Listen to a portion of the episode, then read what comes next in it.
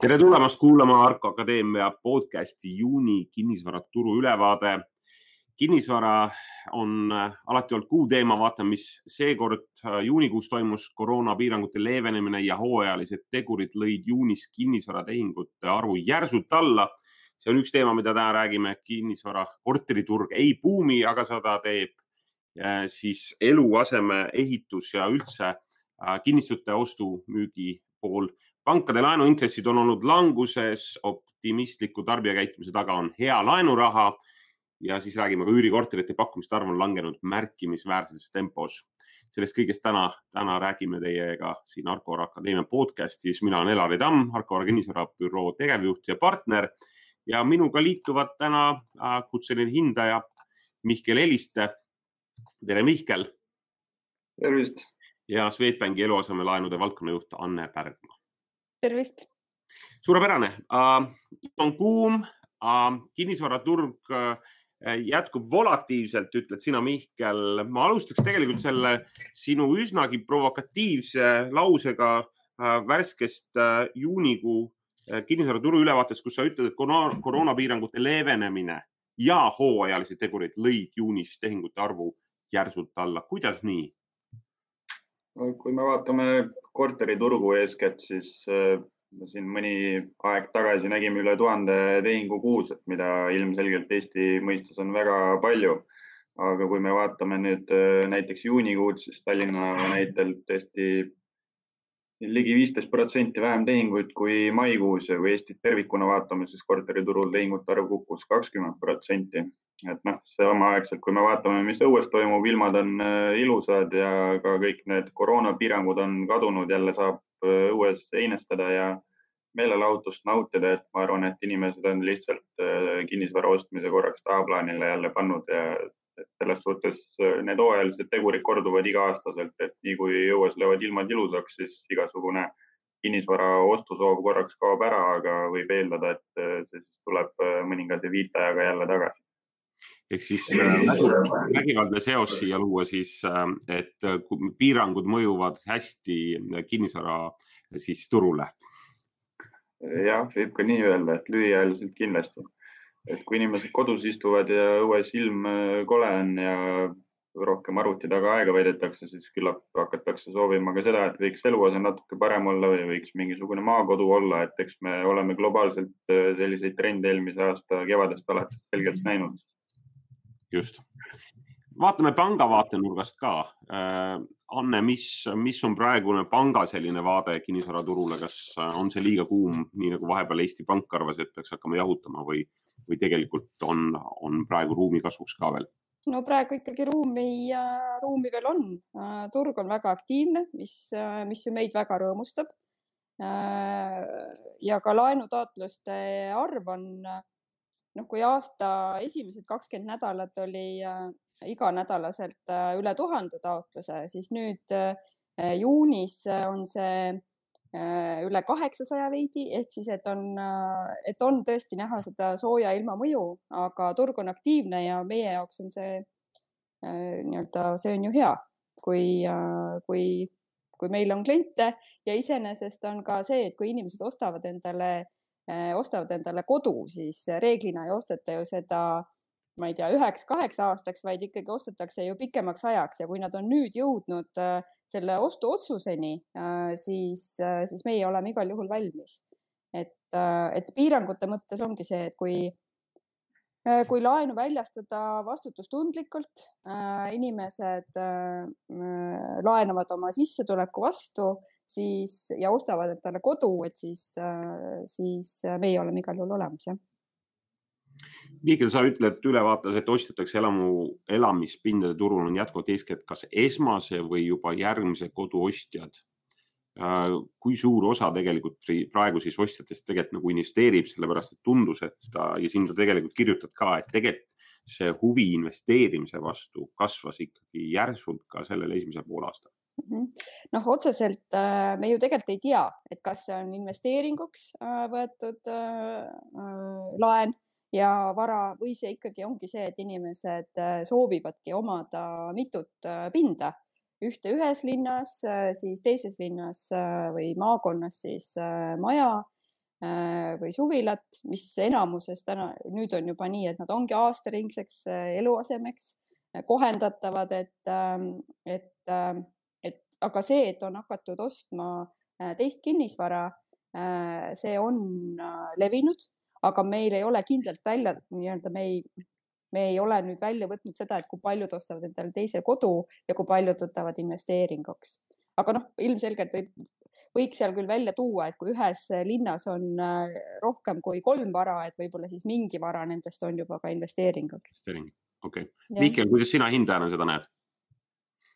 Ütleme, kui me selle aasta esimesel poolaastal näiteks võtame Tallinna ja kui me vaatame korteriturgu ja vaatame, kui palju ostjatest on olnud juriidilised isikud, siis osakaal võrreldes eelnevate aastatega on selgelt suurenenud. me ei räägi muidugi siin mingist tohutust kasvust, aga ütleme siis vähemalt äh, viiendik kõikidest korteritest tõenäoliselt läheb äh, üüriinvesteeringuteks ja see on siis selgelt sagenenud selle aasta algusest ja ütleme sealhulgas, kuna ma käin ka Tallinnast väljaspool, eeskätt siis Lääne-Virumaal, et ma Rakvere näitel äh, nii enda sõprade kui ka tutvusringkonna baasil, kes mu klientideks on, võin välja tuua, et äh, ka seal selgelt siis üüriinvesteeringute tegelemine, tegemine on sagenenud. ja kui me nüüd äh, Swedbankist võib-olla korraks ei räägi, siis konkureerivad krediidiasutused, eeskätt siis väiksemad, kes hiljuti turule tulnud see laenuraha kättesaadavus investeeringute tegemiseks on äh, selgelt paranenud. Ja see konkurentsi suurenemine krediidiasutuste vahel on viinud selleni, et äh, ma näen, et krediidiasutused võtavad selgelt suuremaid riske kui näiteks kaks aastat tagasi. Et ehtne näide viimase paari nädala vältel näen järjest rohkem inimesi, kes väidavad mulle, et eh, ühest krediidiasutusest Eestis saab kuni kolm eluasemelaenu, võtan need kasvõi ühte sama linna, võtame näitena kasvõi Rakvere või Viljandi, et neid ei huvita, kas sa seal kohapeal kõikides korraga elad või mitte. et niikaua, kuni nii-öelda juriidiliselt kõik korrektne on, siis laenuintress on kõikidel nendel laenudel täpselt sama et kui me läheme täna Skandinaavia pankadesse, siis tõenäoliselt iga järgnev eluasemelaen on kõrgema intressiga üldiselt. aga ma näen siis, et turul on nii-öelda neid nišikohti, kust äh, väiksemad krediidiasutused üritavad selgelt äh, kasu lõigata. Anne, sellesama teema jätkuks, pankade vahel on äh, laenuraha vahel tundub olevat kõva rebimine. ja konkurents on väga tugev, see kõik vastab, vastab tõele et äh, nii ka meie, et me kindlasti tahame oma kliente enda juures hoida ja oleme väga huvitatud ka uutest klientidest äh,. ja nüüd kommenteerides võib-olla ka seda äh,, seda, mis Mihkel enne nüüd välja tõi, et kuidas, kuidas see hind kujuneb iga järgneva laenu osas, siis noh, siin on jälle see, et, et meie lepingutes näiteks kodulaenulepingutes on juba, juba mõnda aega sees see, et kui äh, et vara väljaüürimine on lubatud, kui seda tehakse turutingimustel ja iseenesest äh, noh, et ongi see, et meil ei ole midagi selle vastu, kui inimesel võtab teise kodulaenu, aga tähtis on see, et tal sissetulekust äh, jagub selle mõlema laenu tasumiseks ja noh, põhimõtteliselt on nii, et sissetulekust peaks piisama kõikide laenukohustuste tasumiseks. ja nüüd selle intressi osas, et siin on jälle selline asi, et, et arvestades seda, Äh, kus, ähm, et, ähm, et inimestel, et kui ma võtsin näiteks oma eelmise laenu aastal kaks tuhat viis, siis, äh, siis see, siis see laenu intress oli sel hetkel äh, praegustega võrreldes täiesti olematu ja nüüd ongi see, et kui, et kui ma nüüd võtan äh, uue kodulaenu ja selle eelmise vara sooviksin välja üürida, siis, siis võib tekkida küll see olukord, et jah, et me võib-olla tahame seda eelmist kodulaenu, mis on imetillukese marginaaliga veidi kohendada, aga see ei tähenda seda, et ta et ta kuidagi tuleks kallim turul pakutavatest äh, hindadest, et selles mõttes noh, kliendid ei peaks nagu kartma, et võtan sealt või sealt, et kuidas need hinnad kujunevad, et, äh, et konkurents on praegu äh, terve, ma tahaks öelda. Ja, ja kõik äh, pangad toovad oma eelised justkui kõik välja. Ja eelkõige noh, muidugi loeb ju mugavus, suhtlemine, kättesaadavus. arusaadav Mihkel, kas äh, see langenud nõudlus on siiski ajutine, äh, vaadates ka sinu ülevaadet, siis ähm, äh, esimese aasta, poole aasta jooksul tehti korteritega Eestis kaksteist tuhat üheksasada üheksakümmend seitse ostu-müügitehingut, mida oli siis kolmkümmend kolm protsenti rohkem kui eelmise aasta samal perioodil, mis on täiesti arusaadav ka sellepärast, et eelmine aasta oli ka lockdown sellel ajal. aga sa tood välja eriti veel selle, et kolm tuhat kaheksasada kaheksa tehingut tehti hoonetega, hoonestatud maadega mida oli siis nelikümmend kuus protsenti rohkem, et kas äh, ühes äh, sektoris näeme me praegu langust ja teises tegelikult buumi, et nelikümmend kuus protsenti rohkem tehinguid tähendab ju tegelikult väga suurt äh, kasvu. ja et jutt käib siis eluhoonetega hoonestatud maadest, mis puudutab eeskätt üksikelamuid ja siis ka teatud hulgal neid suvilaid ja maakodusid et võrreldes korterituruga protsentuaalselt me oleme näinud seal segmendis siis mõnevõrra tugevamat kasvu ja selle saab siis suuresti kirjutada Eesti demograafiliste trendide najal, et kui me vaatame, kes täna üksikelamuid ostavad, siis me näeme järjest rohkem nende ostjate seas neid isikuid, kes veel mõned aastad tagasi osalesid aktiivselt korteriturul. et eh, kuna Eestis sündimus laulva revolutsiooni perioodil ehk siis kaheksakümnendate lõpus oli üsna kõrge võrreldes näiteks üheksakümnendatega ütleme siin lähima viie aasta vältel me saame üsna selgelt välja tuua, et korteriturul sellist meeletut kasvupotentsiaali tehingute arvu osas enam justkui ei tohiks olla. aga üksikelamute turul siis üsna aktiivne turg peaks tõenäoliselt jätkuma ka lähiaastatel, mis siis omakorda tähendab seda, et ka hoonestamata elamumaade kui ka siis elamuehituse mm, turg peaks näitama üsna tugevat olemust väga põnev äh, seda selle valguses, äh, mis toimub intressidega on, on, et äh, need on olnud siin viimaste aegadel langustrendis, et kas tegelikult on surve jätkuvalt allapoole? noh, intress on veidi langenud, et kui see siin on olnud kahe koma viie ringis mõnda aega tagasi, nüüd keskpanga sõnul kahe koma kahe ringis, siis meie mm, kodulaenu keskmine on jälle äh, kahe juures. Äh, ja see ongi see, et äh, tugevama profiiliga kliendil on see madalam, keskmisega jälle veidi noh, ongi sarnane, et noh, hinna, hinnasurve on üsna tugev, aga samas jälle kuskil peab see piir võib-olla ka vastu tulema, et, et ma arvan, et see, et see stabiilsus on juba, juba üsna lähedal et seda rohkem, seda kukkumist vast, vast ei maksa isegi oodata. okei okay. um,. Mihkel, mis on eelistatum kinnisvara, mis praegu ostetakse, seesama teema tegelikult käis läbi ehk siis äh, hoonestatud maadega eluhooned on nii? jah, sõltub, kuidas me seda vaatame, et kui me tehingute arvu vaatame, siis korterid on jätkuvalt äh, nii-öelda eelistatum, kuna nendega tehakse kõige rohkem tehinguid, aga jah, ma ütleks, et üksikelamute vastu siis ostuhuvi ja sealhulgas ka siis tehingute arv võrreldes varasemate perioodidega on äh, märkimisväärselt äh, suurenenud. korteritest rääkides jätkuvalt ju veab turgu ikkagi uusarendus, et äh, milline see praegune seis on uusarendustega? mais ma mäletan, me rääkisime sellest, et uus, sul oli endal ka selline uskumatu tunne, et arendajatel oli tagataskus nii palju nagu projekte ja nii kiiresti käivitada, on see, on see teoks saanud ka selle, ütleme siis ehitushindade jätkuva nagu tõusu äh, ajal? selles suhtes teise kvartali andmeid veel siin ei ole, et me saame küll riiklikust ehitusregistrist näiteks vaadata, palju siis äh,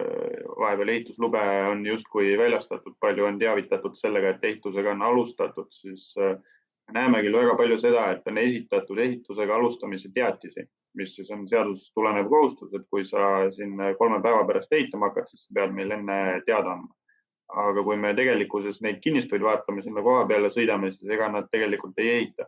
ja kui me vaatame ka uute korterite laojääki näiteks Tallinnas, siis eh, me ei näe, et see pakkumine oleks märkimisväärselt suurenenud siin viimase kolme või nelja kuu vältel ja ka kinnisvaraportaalides, siis me ei ole olulist pakkumismahu suurenemist näinud, et see pakkumise langus küll on äh, nii-öelda läbi, aga me ei ole ka sealt nüüd mingisugust tugevat põrget ülespoole näinud, et noh, kuna ehitussektor selles suhtes on suhteliselt madala efektiivsusega, siis äh, ei saa välistada, et siin aasta teises pooles äh, hakkavad nii-öelda arendusprojektid kõik jälle justkui üsna kiiresti esile kerkima, aga jah, selles suhtes tänane ehitushinna tase on üsna riskantne nii-öelda näitaja, et kui sa oled täna uus arendaja ja üritad alles turule tulla, siis ma ütleks, et täna on ikka suhteliselt keeruline kasumlikku projekti teha, kui sul ka varasem kogemus puudub. et kui ma siin arendajatega vestlenud olen, et milline neil ehituse eelarves see nii-öelda eksimise protsent varasemalt on olnud, siis me rääkisime kusagil seal kolmest protsendist on ju, täna nad räägivad mulle siin kusagil kümnest protsendist, on ju, kui me räägime, et, et mis arenduste seal keskmine kasumimarginaal puhaskasumi näitel on, on ju, siis kümme protsenti tähendab juba seda, et kas me teeme seda asja kasumlikult või kahjumlikult, eks nagu riskid on justkui väga suured ja selle taustal siis, kui me vaatame arendusprojekte, kus pakkumishindu on siin viimase poole aasta vältel seal viisteist, kakskümmend protsenti tõstetud, et selles suhtes, äh, kui ma seda ettevõtjana vaatan, siis see on täiesti loomulik tegevus, et, äh, et keegi nii-öelda heategevusega kinnisvaraturul ei tegutse ja kõik loomulikult tahavad raha teenida ja kui turg ka seda võimaldab, siis seda tuleks teha.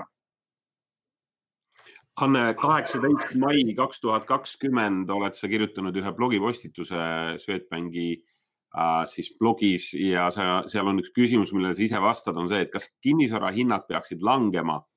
ja siin sa ütled seda, et nüüd nõudlus on küll eluaseme, eluasemete järgi vähenenud, kui pakkumised on sama, samuti piirkonniti turul märkimisväärselt vähenenud uh,. ma küsin pigem nii, et kas pank nägi ette tegelikult sellist kasvu Äh, nii tehinguaktiivsust kui hinnakasvu. Mihkel, kui ma ei eksi, sa võid pärast seda kommenteerida, aga sa ütled kuskil kakskümmend viis protsenti tõusid, tõusid sellised magalakorterite hinnad siin äh, äh, ühes selges perioodis. seda võime siis täpsustada pärast seda, kui Anne saab vastata, aga kas te nägite seda nõudlust ette või tuli see nagu pauk selgest taevast? ei noh, selles mõttes, et me langust ei äh,, ei prognoosinud, aga see on, noh, turg tavaliselt toimib nii, et kui, kui nõudlus kasvab, siis, siis peaksid hinnad äh, ka tulema justkui veidi ülespoole. nüüd ongi see, et kus on see ostja-müüja kokkuleppe piir, et, äh, et kuhu nad jõuavad, et selle, sellise, kui, kui pakkumist on, siis tõenäoliselt hinnad ei lange. ühesõnaga äh, langus sellist ette ei näinud, aga selge, et nõudluse, nõudluse kasvades ja kui pakkumisi nii palju peale ei tule, siis need hinnad Äh, peavad kasvama hakkama. Mihkel, sa ütledki, et tüüppkorterite hinnad on Tallinnas juunikuu seisuga keskmiselt kakskümmend viis protsenti kallimad kui kaks tuhat kakskümmend. see on ju suur kasv veerandi jagu. jutt käib siis eelmise aasta juuniga võrreldes. Noh, sealjuures tuleb siis arvestada, et eelmine aasta selle riikliku eriolukorra nii-öelda tekkides mõningase viiteajaga me hakkasime eeskätt tüüppkorterite turul äh, tõepoolest hinnalangust äh, nägema, et kui me seda tänast tüüppkorterite hinnataset võrdleme näiteks eelmise aasta algusega, siis me räägime seal kusagil viieteist protsendilisest hinnakasvust, mis on oluliselt mõõdukam. Et see tüüppkorterite hinnalangus eelmine aasta juhtus suhteliselt järsku ja ta sai ka läbi suhteliselt järsku aga need, kes siis äh, julgesid ja tahtsid ja soovisid ja said äh, näiteks äh, tüüppkortereid tol ajal osta, näiteks siis flippimiseks ehk siis hiljem kordategemiseks, edasimüügiks, siis neid remonti vajavas seisukorras kortereid sai oluliselt odavamalt eelmine aasta suve alguses kui näiteks enne koroonat. Aga nii kui me jõudsime sinna augustisse, septembrisse tagasi, siis nende hinnalanguste tegemine oli sisuliselt kõikjal lõppenud, nii Tallinnas kui ka sellest väljaspool. Mulle meeldib üks näide, küll mitte Eesti kontekstis, aga Soome ja Ahvenamaa, kus tegelikult äh, üks sõber elab ja on, on võtnud hiljuti laenu ja ostnud seal kodu ja mind pani imestama see, kuidas äh, pank vaatab Soomes vara väga likviidsena ja peaaegu et sõltumata selle asukohast või noh, mitte päris nii, aga tundub, et, et likviidsema. kuidas täna Swedbank vaatab Eestit tervikuna, ma saan aru, et Tallinn ja Tartu ja Pärnu ja, ja väikelinnad on ka tublid, aga kuidas see likviidsuse nagu vaade panga silmis, kas see on ka kasvamas, näete te Eestit väärtuslikumana tulevikus? No Eesti on Eesti igal juhul, Eesti on igal juhul väärtuslik äh, ja Eesti kinnisvara on väärtuslik muidugi. Ja, aga need erisused on äh,, tulevad selle põhjal, et äh, et kui kiiresti, kui inimene soovib oma kinnisvara müüa, et kui kiiresti ta saab seda teha, et, et see ongi selle vastus, aga samas jälle need, need määrad on iseenesest hästi väiksed, need vahed, et kui, et kui näiteks suuremates keskustes, noh, räägime näiteks Tallinn, on mhm. maksimaalne laen tagatise vastu ilma KredExita kuni kaheksakümmend viis protsenti siis, siis teistes piirkondades pari, nii-öelda hea krediidiajalooga kliendile on ka kaheksakümmend ja kui nüüd võtta seda, et, et see vahe on seal võib-olla viis protsenti, et siis see nii-öelda suhtarvudena, absoluutarvudena tegelikult ei ole äh,, ei ole midagi hullu, aga samas jälle äh,, kui minna nüüd jälle sellise üldvaate pealt äh, inimese äh, nii-öelda laenuvõtja äh, positsiooni, siis on jälle see, et kas mina laenuvõtjana ma peaksin olema alati valmis selleks, et, et kui ma nüüd tahaksin oma kinnisvara müüa, et kas ma saan siis selle ära müüa ja kas ma siis sellest äh, müügist saan ka oma laenu ära maksta. Et, äh, et noh, et ei tekiks niisugust ebamugavat olukorda. absoluutselt, absoluutselt. aga Miks muidu Eesti, Eesti vara on igal juhul väärtuslik. Absoluutselt. Väga hea. Ja kui see veel kasvab nagu ühtlasemaks või, või seal päris ühtsust kindlasti ühtlust ei tule, see on selge. Juba, juba äh, Mihkel, sa ütled äh, midagi sellist, et, äh, et sind paneb imestama, kui kiirelt on see taustsüsteem äh, viimase pooleteise aasta vältel muutunud. et kui me räägime sellest, et aasta kaks tuhat kakskümmend alguses ma tean, kuidas ettevõtjad ja majandusinimesed rääkisid sellest, et kohe tuleb üks pauk, keegi ei saa aru, kust ta tuleb, kohe tuleb majanduslangus ja, ja selline äh, kindlustunde indeks äh, oli suhteliselt selline nagu oota, ootav nüüd peale sellist teist lainet ja, ja rääkimata veel selle laine ajal äh, kuidagi see kindlustunne sai nagu eriti hoo sisse, et kinnisvaratehingute arv ja ka hinnad on kasvanud, et võib-olla sa räägid natuke sellest sinu imestusest või sellest, äh, sellest mõttest? ja et selles suhtes äh, ütleme, tarbimissoovid turul on väga volatiilsed olnud viimase pooleteise aasta vältel, et kui ma kasvõi iseennast nii-öelda äh, investorina, kas siis kinnisvaraturu või börside lõikes vaatan, siis eelmise aasta alguses ma olin noh, üsna mõõdukalt optimistlik, ütleksin. siis paari kuu pärast äh, ma olin äh, pigem sügavalt pessimistlik ja siis läks veel paar kuud mööda, siis ma olin niisugune jälle mõõdukalt optimistlik ja nüüd mõni kuu tagasi ma olin äärmiselt optimistlik. et äh, vastavalt sellele ma ka olen iseenda elus nii-öelda neid finantsotsuseid teinud, et äh, siin mõned investeerimiseks sobilikud objektid ostnud nii börsidelt, aktsiaid ostnud, siis vahepeal väga suurelt aktsiaid ostnud vastavalt sellele, kuidas oma emotsioonid ja majanduslik loogika siis asjade vastu otsuseid teeb, et ja kui ma vaatan, mis turul toimub, siis väga paljud käituvad täpselt samamoodi kui mina, et ma ka täna olen jätkuvalt mõõdukalt optimistlik tuleviku suhtes, et selles suhtes vaadates mis meil turul toimub, et kui me vaatame, majanduskasv on jälle kiirenema hakanud, palgakasv on kiirenema hakanud, enam ei räägita niivõrd tööpuudusest, vaid juba tööjõupuudusest. ja vaatame, et eluasemelaenude intressid on allapoole tulnud aasta ajaga, laenuraha kättesaadavus on paranenud. õues on ilus ilm, päike paistab, koroonapiiranguid enam ei ole, et nagu ma ei näe väga nii-öelda neid negatiivseid olemusi, et ainuke negatiivne asi ongi see, et kui ma Tallinna börsi või äh, Ühendriikide börsid lahti võtan või kasvõi Tallinna korterituru, et siis ma näen mingil põhjusel väga kiiresti kasvavaid äh, hinnatasemeid, et see on niisugune ainuke asi, mis mind natuke nagu äh, hirmutama paneb selle asja juures, aga muus osas ma arvan, olukord täna jätkuvalt on väga hea ma selle mõõduka optimismi juurde võib-olla tooksin selle asja, et lugesin jälle äh, Tallinki juhi kommentaare selle soomlaste kohta ja mulle tundub, ainus asi, mis üldse seda pilvi meie kohale toob, on see, kui need Soome turistid tagasi ei tule ja või ei saa tulla nii, nagu nad tahavad, et lugesin just, et Nõgene ütles, et, et see on täielik absurd, nii et kui kõiges muus on optimismi, siis mingi asi varjutab, et meil on soomlasi jätkuvalt liiga vähe. Äh, Anne, sa oled äh, kolm aastat tagasi äh, kirjutanud veel ühe loo, see, see on, räägib sellest, et kolme aasta jooksul pool üürnikest plaanib kolme aasta jooksul kodu osta ja ma tahaksin puudutada nüüd seda üüriturgu. etteruttavalt, Mihkel, sa oled toonud välja, et üüripakkumiste arv selle käesoleva siis sinu artikli kirjutamise ajal on Tallinnas KV portaali kv.ee andmetel avalikul pakkumisel tuhat kolmsada seitsekümmend kuus üürikorterit ja veel aprillis oli tuhat kaheksasada kolmkümmend üheksa äh, pakkumist. Mihkel, sa räägid seda võib-olla pärast natukene lähemalt, aga Anne, mis on saanud selle kolme aastaga, sest pank viis läbi uuringu ja selgus, et tegelikult pooled inimesed tahavad osta endale mm -hmm. kodu ja mitte üürida no selles mõttes me neid küsitlus on ju anonüümne, et me nüüd täpselt ei tea, et kas, kas kõik just. inimesed oma plaanid äh, ellu said äh, viia, loodetavasti said äh, ellu viia. aga, ja me ka sedapidi, kui keegi tuleb mm, laenu küsima, siis me iseenesest ei ei, ei urgitse justkui, et kus sa noh, et, et, et kas sa oled enda vara müünud ja kus sa oled, aga muidugi see tuleb välja sellepärast analüüsis iseenesest, aga me statistikat selle kohta ei kogu ehk siis ma saan ainult loota, et kõik need inimesed, kes plaanisid kodu osta, on seda teinud tänaseks. See on võib-olla ka selline natukene filosoofiline küsimus üldse, et kas mhm. Eesti äh, elanikkond, äh, kes on öelnud, et, äh, et meie oleme koduomanike nagu arusaama või maailmavaatega, mitte üürijad, et eks me siis tõesti saame võib-olla ka, kui Swedbank viib uue tellimuse läbi või, või mõni muu, siis